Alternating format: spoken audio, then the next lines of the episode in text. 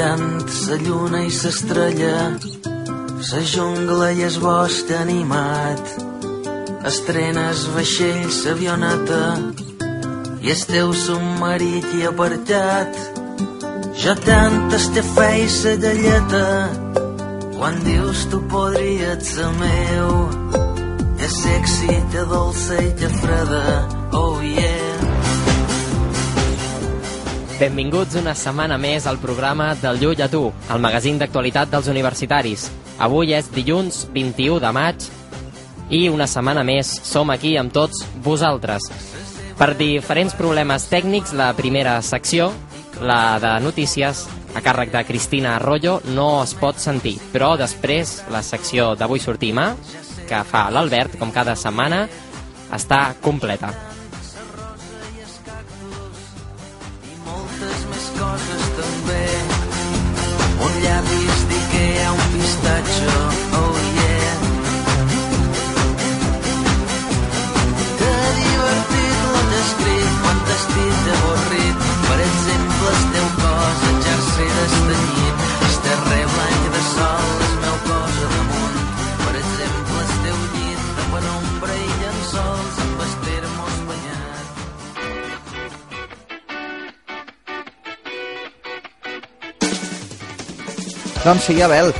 avui sortim, a, com sempre, amb els millors descomptes, amb les millors propostes i propostes per tots els gustos i de tots els estils.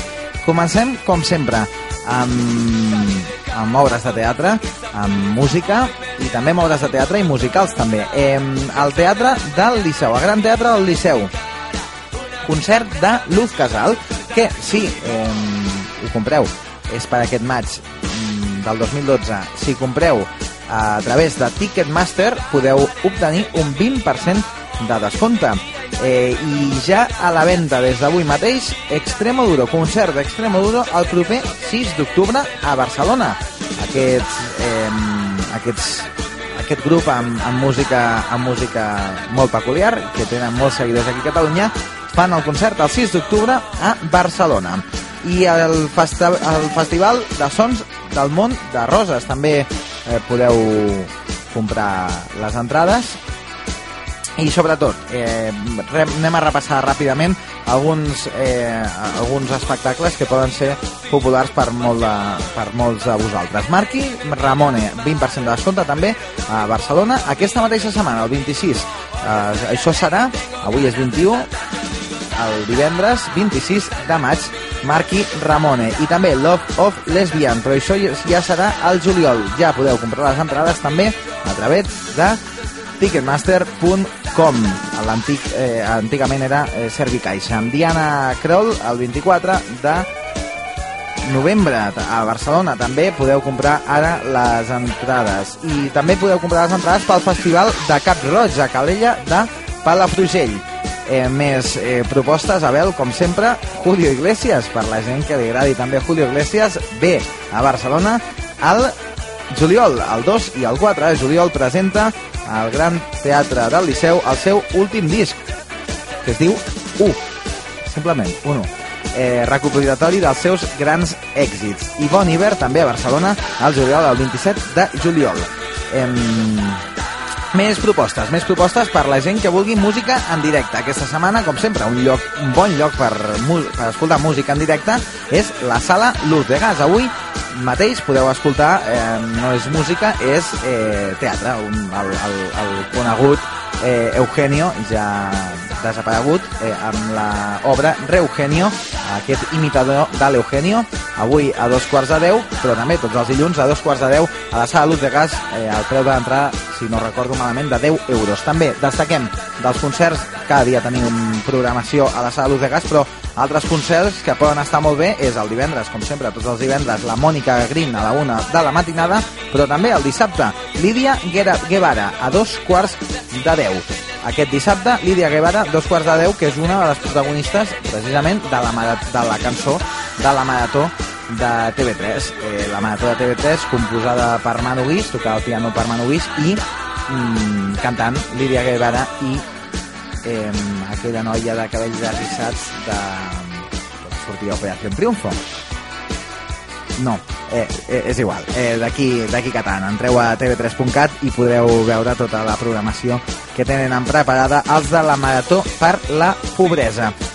Una última proposta us volia fer jo, que és eh, propostes del carnet jove. Per tota la gent jove, teniu Balearis al millor preu, però sobretot eh, una nova, un nou val, que no ve en els vals que tothom pot adquirir al, al principi d'any, que és un 2 per 1 al Subway, aquests eh, restaurants que fan entrepans, eh, ells diuen que molt sants, tothom diu, tothom diu que, que el seu menjar és sa, però i també a través del carnet jove podeu aconseguir descomptes, dos per una en albergs, però també descomptes a l'Apple Store per, eh, en el cas que us vulgueu canviar d'ordinadors. Tant poden ser eh, MacBooks o, eh, sigui, eh, ordinadors de sobretaula o ordinadors portàtils. Però el carnet jove també té una cosa molt interessant que molta gent segurament no sabrà, que són les beques.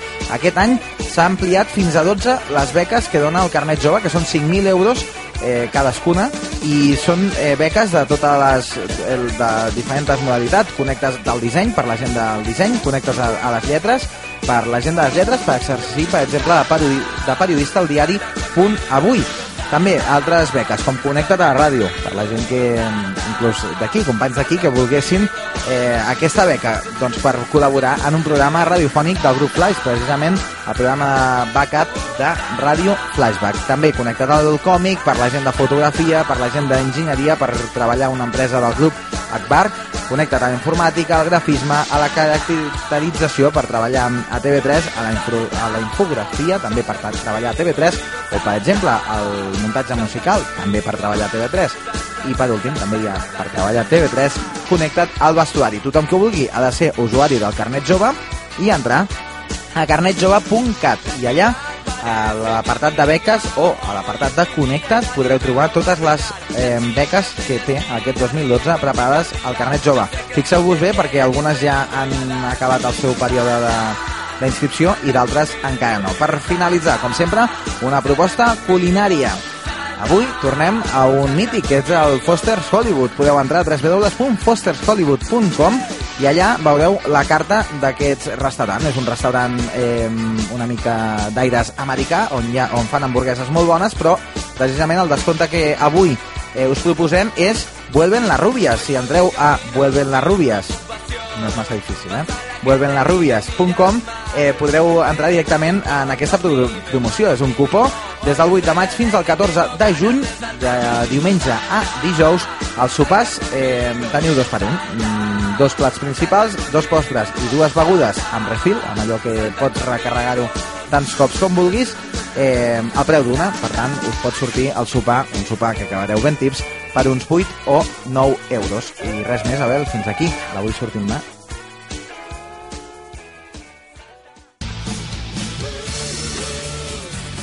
Moltes gràcies, Albert, per aquest repàs d'oci, com, com cada dilluns, per, per ser aquí amb nosaltres.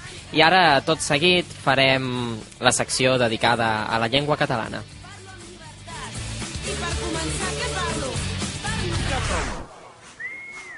Del Llull a tu, el magazín d'actualitat dels universitaris.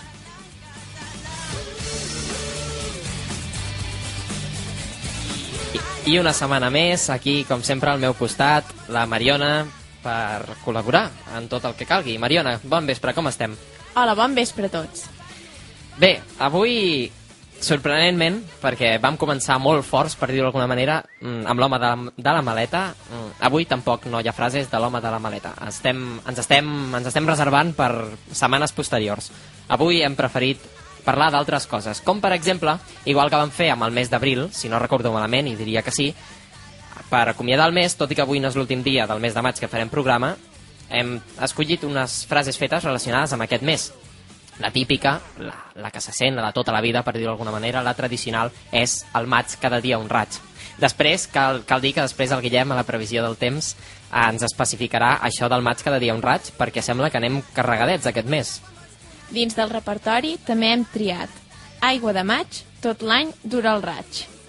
Mm, tot va de rajos, eh, el mes de maig. I tant. Per exemple, també tenim el maig arribat al gec descordat, que bé, aquesta també l'hem de qüestionar una mica.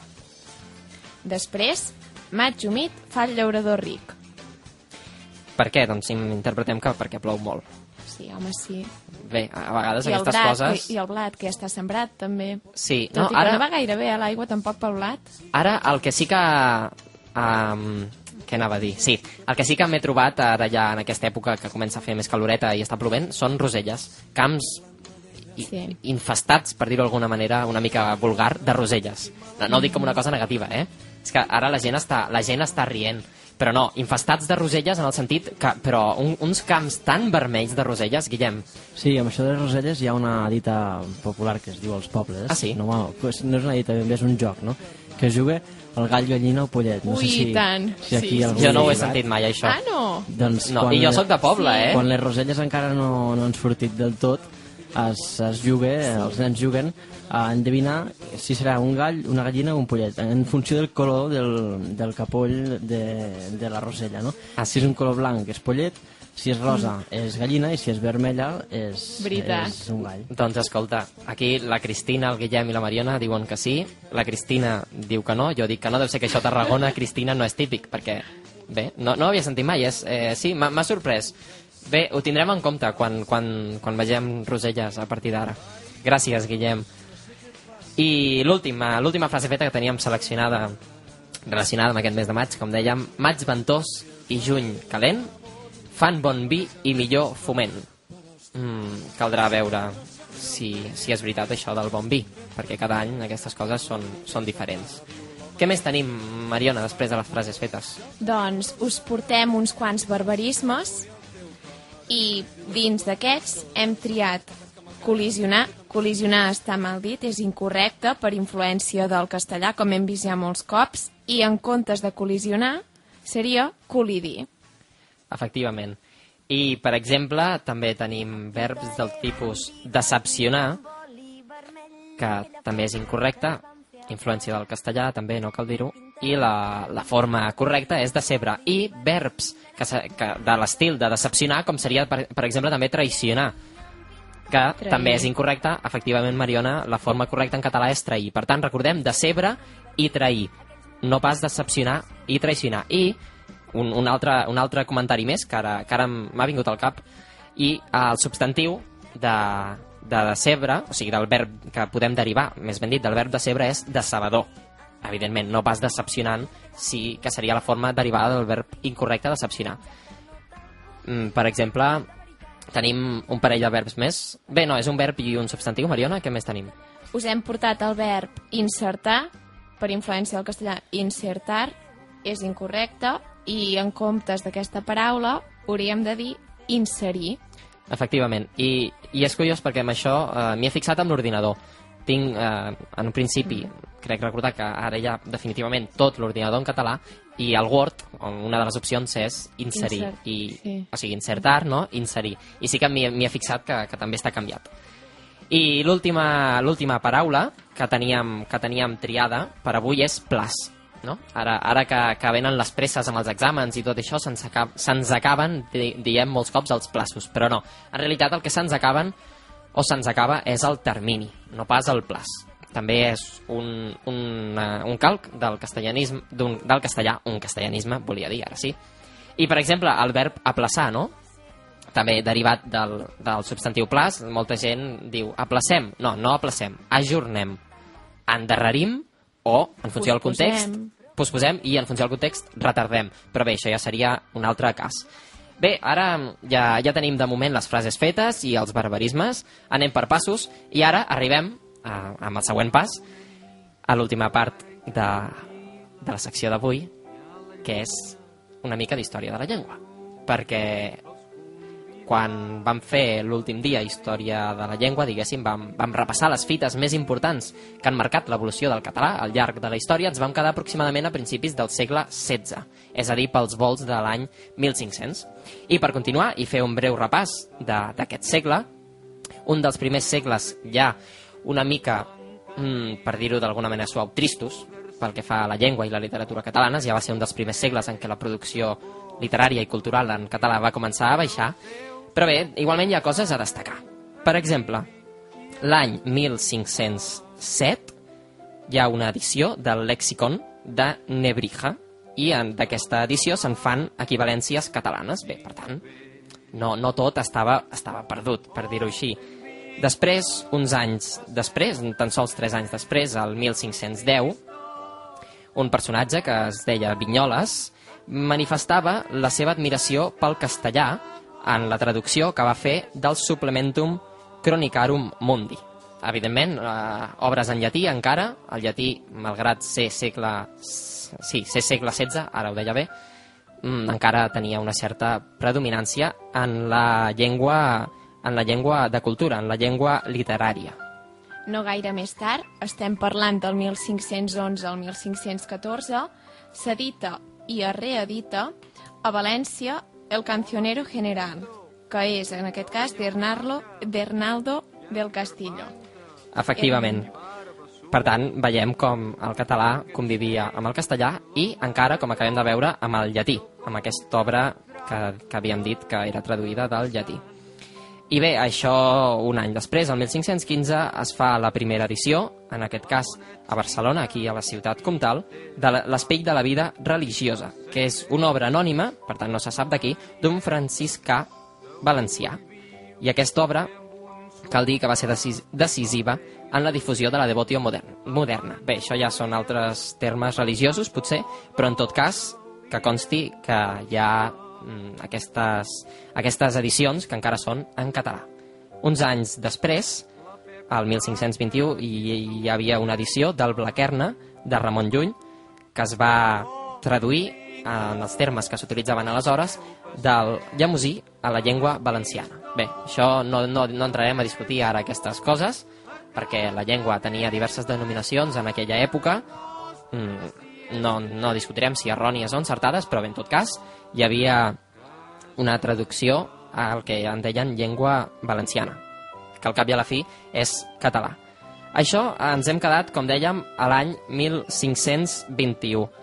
Recordem que ja hem passat, fa, fa poc, relativament pocs anys, l'època d'Ausiàs Marc, de Joanot Martorell, aquests grans escriptors, els últims grans escriptors brillants, per dir-ho així, que va haver en llengua catalana a l'època medieval. I ara, Mariona, per exemple, què més tenim en aquests anys?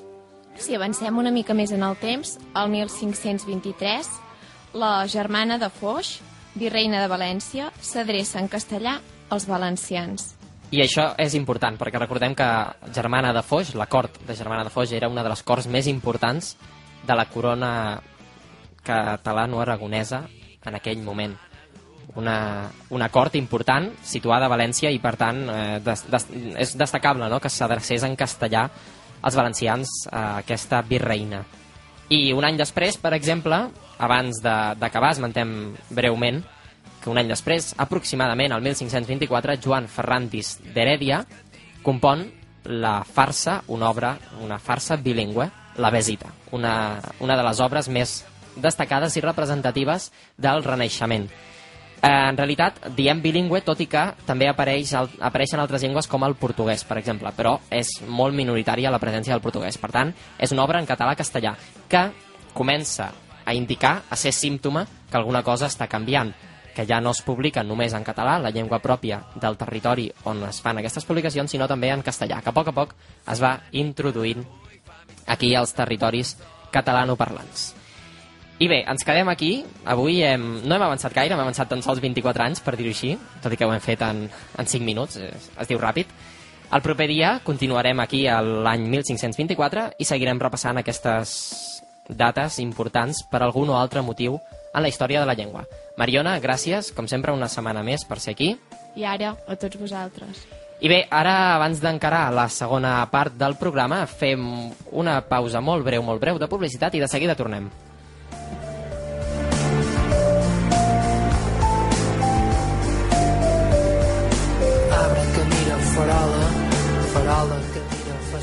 Del Llull a tu, el magazín d'actualitat dels universitaris. Rellotge que mira campana, campana que mira finestra, finestra que mira tramvia, tramvia que mira bufanda, bufanda que mira rebut.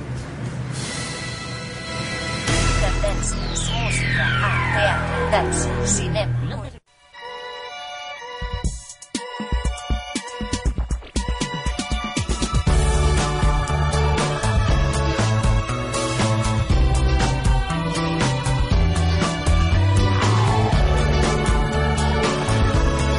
ràdio arroba culturafm.cat. Cultura FM. Una nova manera d'entendre la ràdio. Descobreix les noves rutes de Ryanair des de Barcelona al Prat. L'única aerolínia de baix cost estrena 12 noves rutes a partir del març des de Barcelona. Descobreix Midlands, Glasgow i Liverpool. Disfruta de Múnich des de Mimingen i d'Hamburg a Alemanya. Viatja per Espanya a Astúries, Bilbao, Menorca i Alacant. I no et perdis tots els altres fantàstics destins com Estocolm, Budapest i Trieste. Ryanair. Vols barats des de Barcelona al Prat. Estamos hartos de la crisis. Encima fuimos a una clínica dental y nos han dicho que debemos ponernos implantes dentales, ortodoncia a los niños y nos sale todo muy caro. ¿Caro? ¿Por qué no vas a Denta Aesthetic Corporation y te pondrán un implante dental bien de precio? Tú escoges el implante, hay para todos los gustos y te lo colocarán desde 200 euros. ¿Solo implante? ¿Y la corona? No te preocupes, en Denta Aesthetic Corporation arreglan todo, todo y todo. Implantes, ortodoncia, prótesis y blanqueamientos dentales con LED en una hora. Dame el teléfono. Llama al 93 723 5100 o visita la web esteticadentalsabadell.com. Tendències, música, art, teatre, dansa, cinema, cuina, humor, actualitat. No et desenganxis de la ràdio. No et desenganxis de la ràdio. Desenganxis de la ràdio. Les sents, les comptes. Cultura FM. Cultura FM.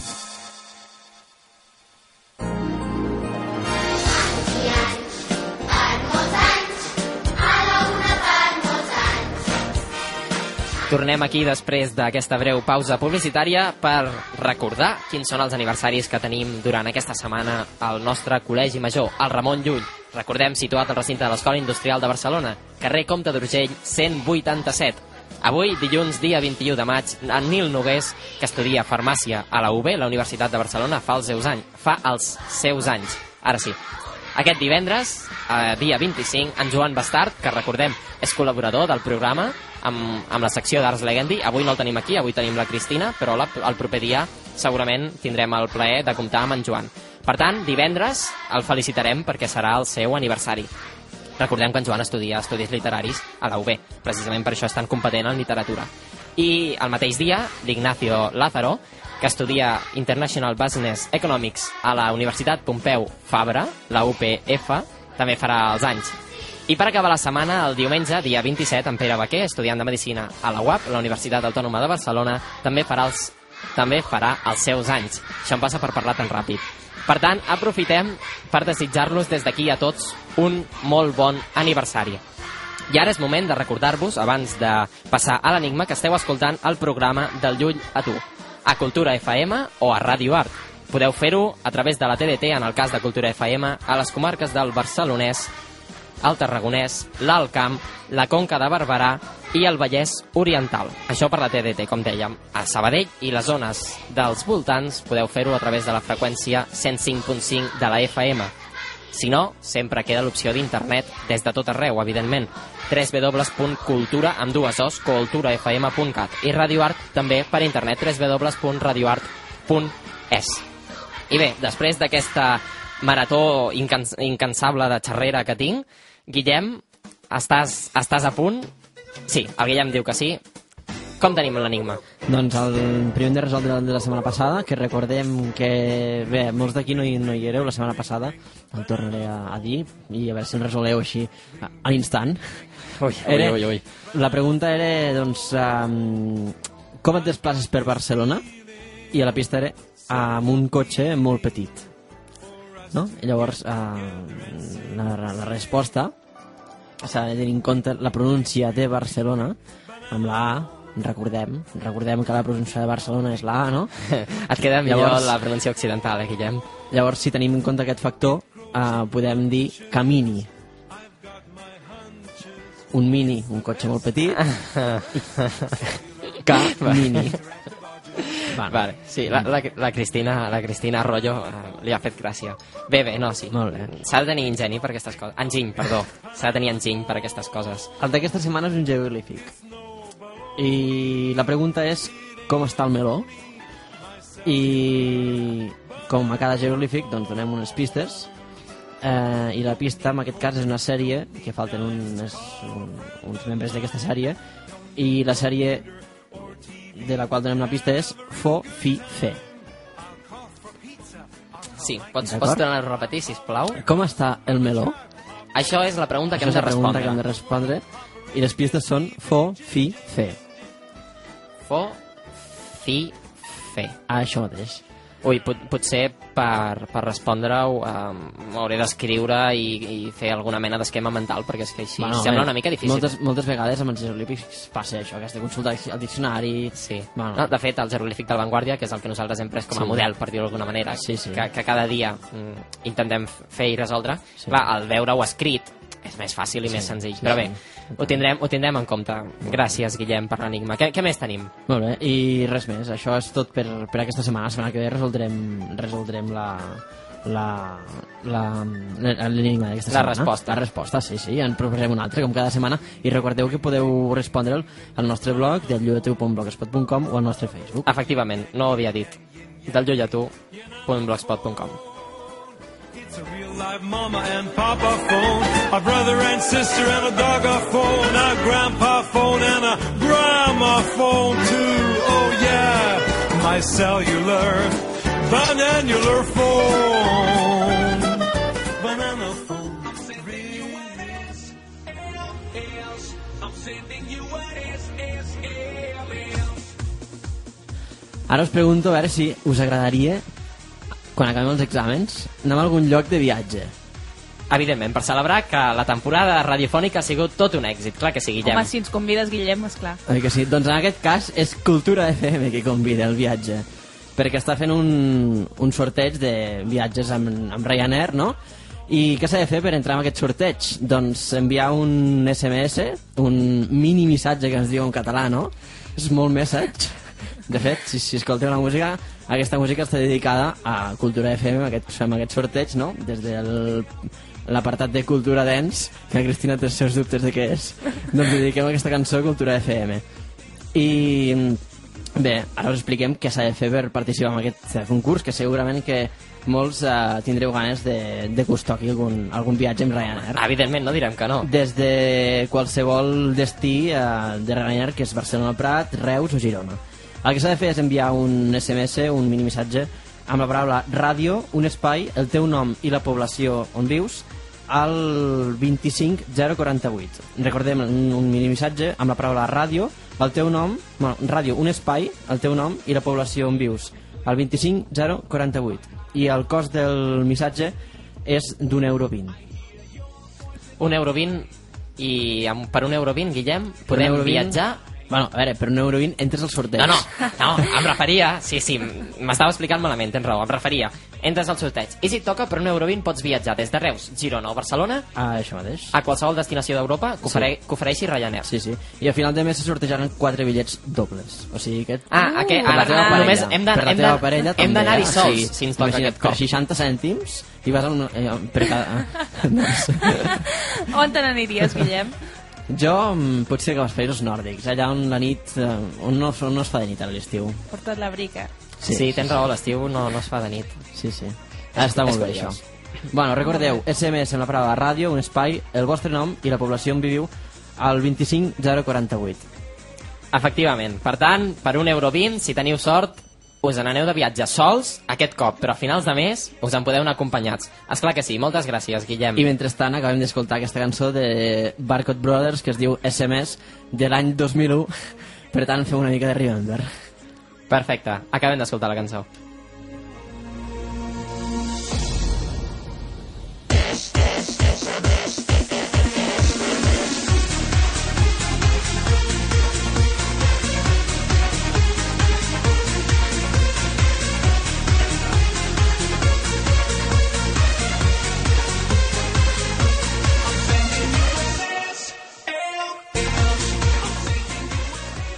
Si voleu un entrepà una magdalena, aneu al recinte de l'Escola Industrial, al bar de l'Helena.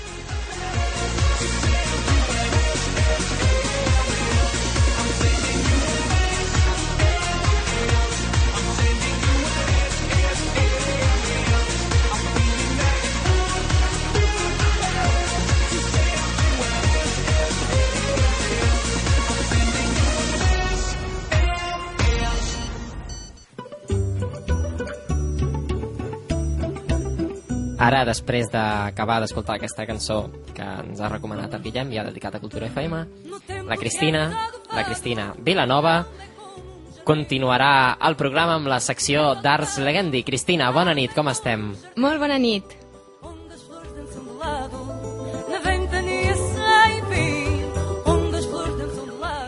Benvinguts novament a Arts Legendi. Bon vespre a tothom. Avui toca novetats editorials i us en presentem 5. Un blanc a la nació culer de Jordi Mercader, Icuc, el manual de cuina per a emancipats d'Isma Prados, l'antropologia... que t'ha fet gràcia veure el títol del llibre. Eh, sí, m'ha fet gràcia això de la cuina. Sí, sí, com, com ho has dit? Torna-ho a dir. Icuc, el manual de cuina per a emancipats de l'Isma Prados. És un... M'ha fet gràcia això dels emancipats, no? Home, és que als que estem a pis ens fa falta, eh, això de saber una no, mica s'ha de reconèixer que sí, que quan, quan estàs vivint, diguéssim, fora de casa amb la teva mare o el teu pare, la cosa es complica. I tant veritat. que sí, aquest va dedicat a tota la gent que està vivint a pis ja. Sí, sí, és que m'ha m'ha fet gràcia, perdona. doncs no, el segon és aquest de l'Isma Prados. Eh, després el tercer llibre que presentem, l'antropologia davant dels problemes del món modern, de Levi Strauss. A Mèxica, d'Ed Buliami, no sé si ho pronuncio gaire bé això, però no sé gairebé com, com es diu això, Ed Buliami, i Cuentos completos, de Juan José Saer. A veure, comencem amb el primer, Un blanc a la nació culer. L'autor és Jordi Mercader, eh, el trobem a l'editorial Columna, a la col·lecció L'Arquer, i el número d'edició és, eh, és l'1. En aquest llibre, Jordi Mercader explica quins són els motius que ens han portat sovint a veure l'enfrontament Barça-Madrid com un enfrontament Catalunya-Espanya. Us llegeixo el text de la contraportada. Jordi Mercader, un català seguidor del Real Madrid, explica en aquest llibre el que molts culers es pregunten. Com es pot ser català i del Madrid? Tot i que sovint ho confonem, la política i l'esport són dos àmbits totalment allunyats l'un de l'altre. Tot i això, s'ha donat diverses circumstàncies que han fet que els aficionats de l'esport donen significat polític a activitats merament esportives. En aquest llibre, Jordi Mercader explica quins són els motius que ens han portat sovint a veure l'enfrontament Barça-Madrid com un enfrontament Catalunya-Espanya. Com pot ser que sent català siguis del Real, del Real Madrid?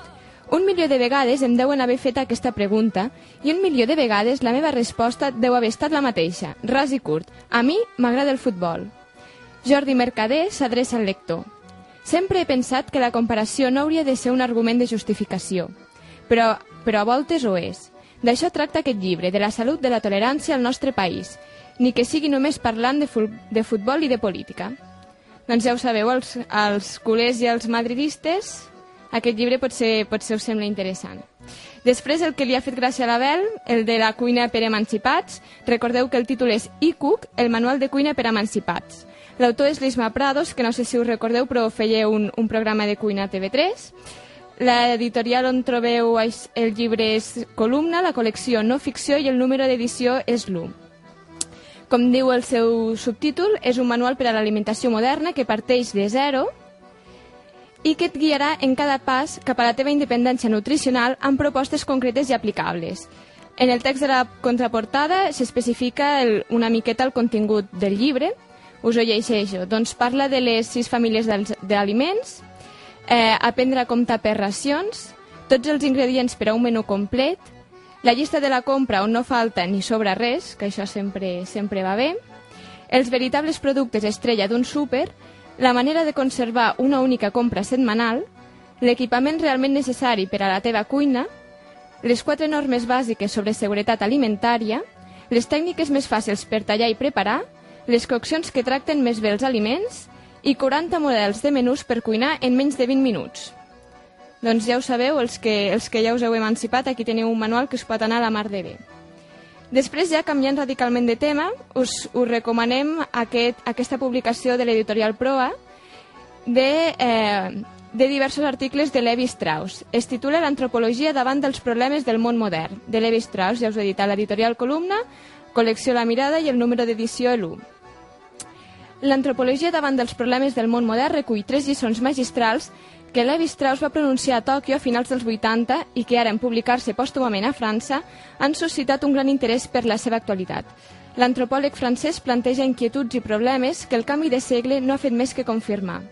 La fi de la supremacia cultural d'Occident, el relativisme cultural i els integrismes religiosos en un món interconnectat o les actuals pràctiques econòmiques són abordats aquí amb una mirada lúcida. Per a Levi Strauss, l'antropologia pot ser el nou humanisme democràtic que doni respostes a aquest món en plena transformació, que no ha paït el fracàs de l'ideal de la il·lustració i els errors del colonialisme de matriu europea. L'antropologia davant dels problemes del món modern, de Levi Strauss, és la millor introducció al pensament d'un dels intel·lectuals més lúcids i influents del segle XX. Després de l'editorial Empúries tenim el llibre titulat A Mèxica del periodista Ed Buliami i el trobeu a la col·lecció Biblioteca Universal Empúries. Eh, el, 2000, el 2009, després de fer de reporter a la frontera mexicana amb Estats Units, Ed Buliami va decidir embrancar-se en un viatge al llarg de tot, de tot el territori fronterer, des del Pacífic fins al Golf de Mèxic, una terra calidoscòpia contaminada per la corrupció i una autèntica guerra civil, però també plena de bellesa, felicitat i resistència.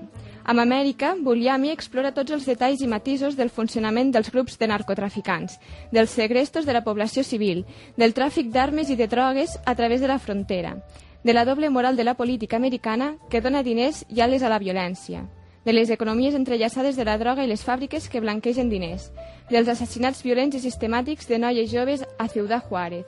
Amb una força narrativa inigualable, l'autor retrata de manera impactant la violència brutal que està minant els territoris fronterers i descriu l'horror i la brutalitat que s'ha desplegat al llarg de la frontera entre els Estats Units i Mèxic. I el Kirkus Reviews eh, diu d'aquest llibre, d'aquesta publicació. L'autor escriu amb molta força lírica i el ritme atractiu de les seves frases contrasta radicalment amb la degradació de la humanitat que descriu a gairebé cada pàgina. Un retrat impressionant, molt ben escrit i terrorífic. I finalment, el llibre que, que us volem presentar són els Cuentos Completos de 1957 a 2000 de l'autor argentí Juan José Saer. La veritat és que aquest autor el vaig descobrir fa poc, no, no sabia de la seva existència, i, i bé, us en faré 5 cèntims de, de, la seva, de la seva vida perquè realment és un autor bastant important. Juan José Saer va néixer a Serodino, a la província de Santa Fe, el 28 de juny del 1937. Va ser professor a la Universitat Nacional del Litoral, on va ensenyar història del cinema i crítica i estètica cinematogràfica. El 1968 eh, va marxar a París. La seva vasta obra narrativa, considerada una, una de les màximes expressions de la literatura argentina contemporània, abarca quatre llibres de contes i deu novel·les. També té poesia i assaig, i està traduït a diversos idiomes com el francès, l'anglès, l'alemany, l'italià i el portuguès. Doncs bé, aquest, aquest recull de contes el trobeu a l'editorial El Aleph, acabat amb PH, a la col·lecció Modernos i Clàssicos, l'autor José Saer.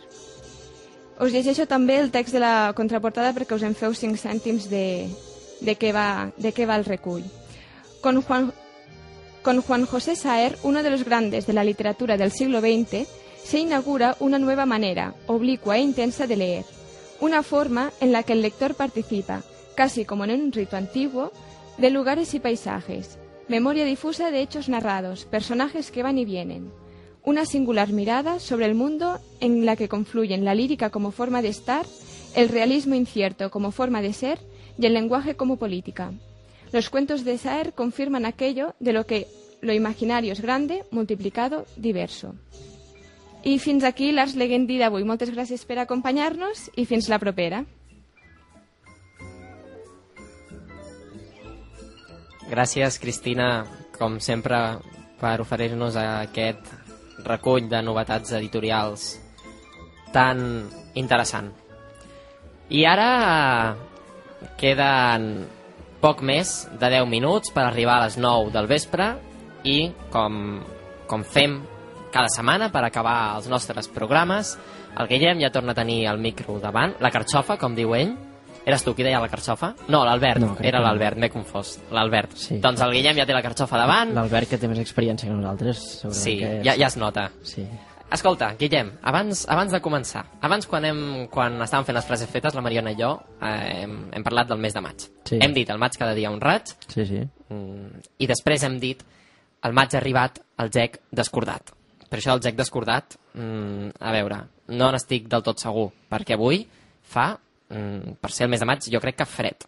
Sí, aquestes dites es poden, es poden aplicar pues, a la majoria de dies, no tampoc no cada dia, però, però la majoria de dies sí. Recordem que La setmana passada mm, i fa dues setmanes vam tenir molts dies de, de forta calor i aquesta setmana que ve també està previst que les temperatures es pugin bastant. De fet, a, sobretot a l'interior i, al, i en zones de muntanya les temperatures d'aquí a final de setmana fins a divendres aniran pujant i poden pujar fins a 10 graus o més. 10, 10 graus respecte d'avui, vols dir? Sí, sí, respecte d'avui, eh? O sigui que la, la pujada de temperatures serà, serà important. Per tant, tornarem a anar amb màniga curta i a Segur. suar a les hores curta, centrals del dia. pantalons curts, eh, veurem gent a la platja i, i xinesos amb, amb paraigües per tapar-se del sol també. Ens posarem morenos ja un altre cop. Sí, sí, sí. I bé, doncs el comentari que d'avui de meteorològic és que les tempestes, bueno, són les tempestes aquest cap de setmana, no?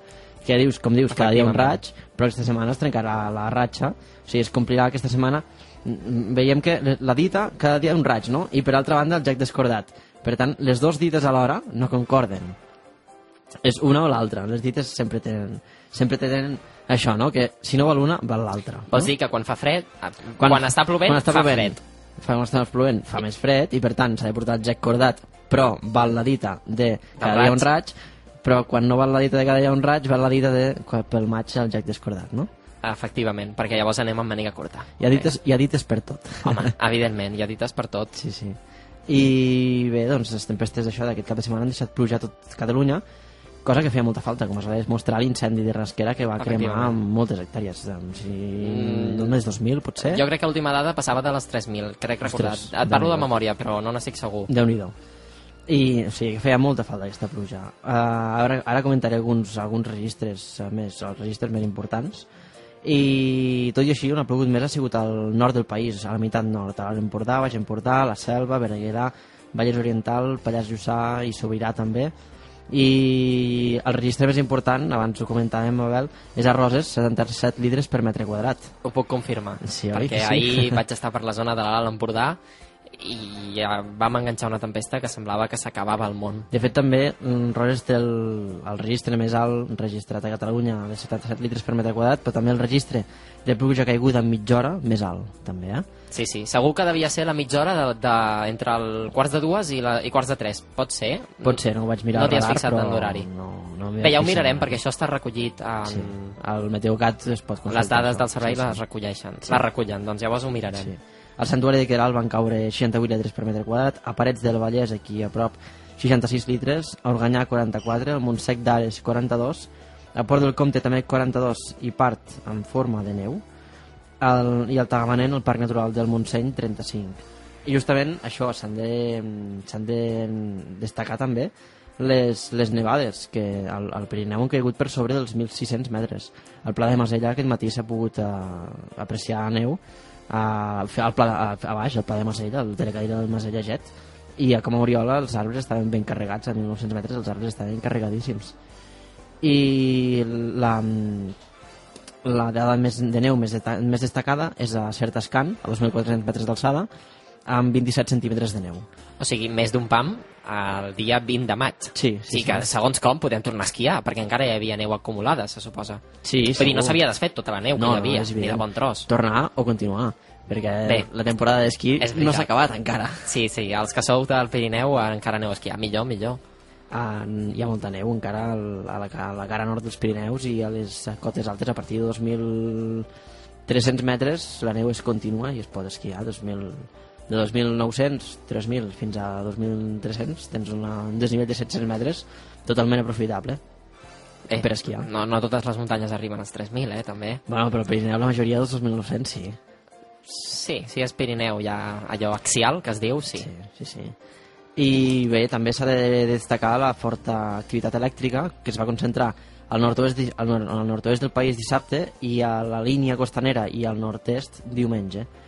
De fet, la nit de dissabte a diumenge aquí a Barcelona va caure una tormenta bastant Sí, forta. sí a, a quarts de quatre, més o menys, em crec recordar. És que a mi em va despertar. Sí. Sí, la Mariana diu que també es va Sí, a despertar. mi- a mi també, sí, Sí, sí. ens va despertar a tots la tempesta. Sí. I jo tenia, jo tenia les bambes a l'ampit de la finestra, imagina't com van acabar. Mira que bé, ostres.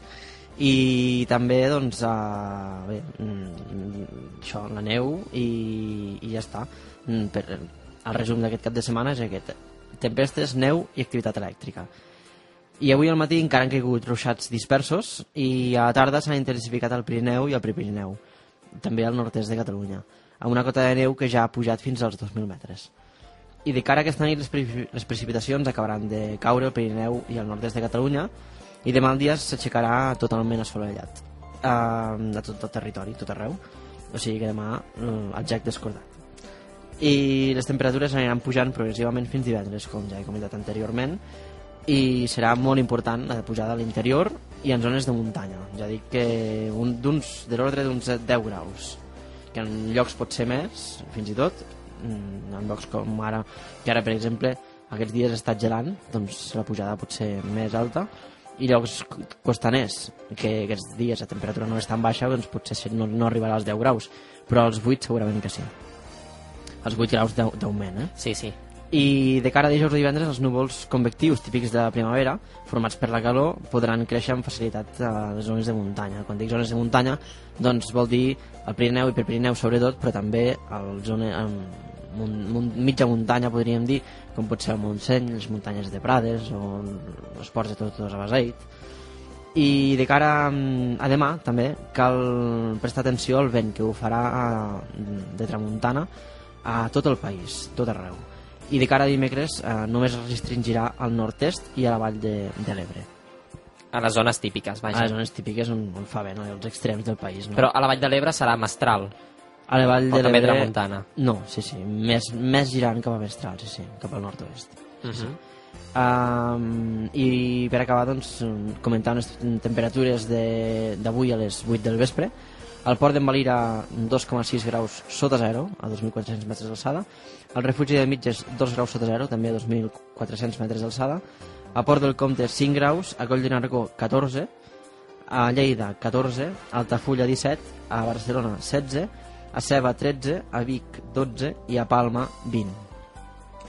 eh, encara és destacable la, la diferència que, que ens ha passat sovint al, al llarg de tota la temporada, per dir-ho així, ens ha passat sovint quan, quan les temperatures no eren excessivament baixes aquí, diguéssim, a la plana, si vols dir-ho així, i a la costa, al Pirineu, la diferència és, és, és molt important.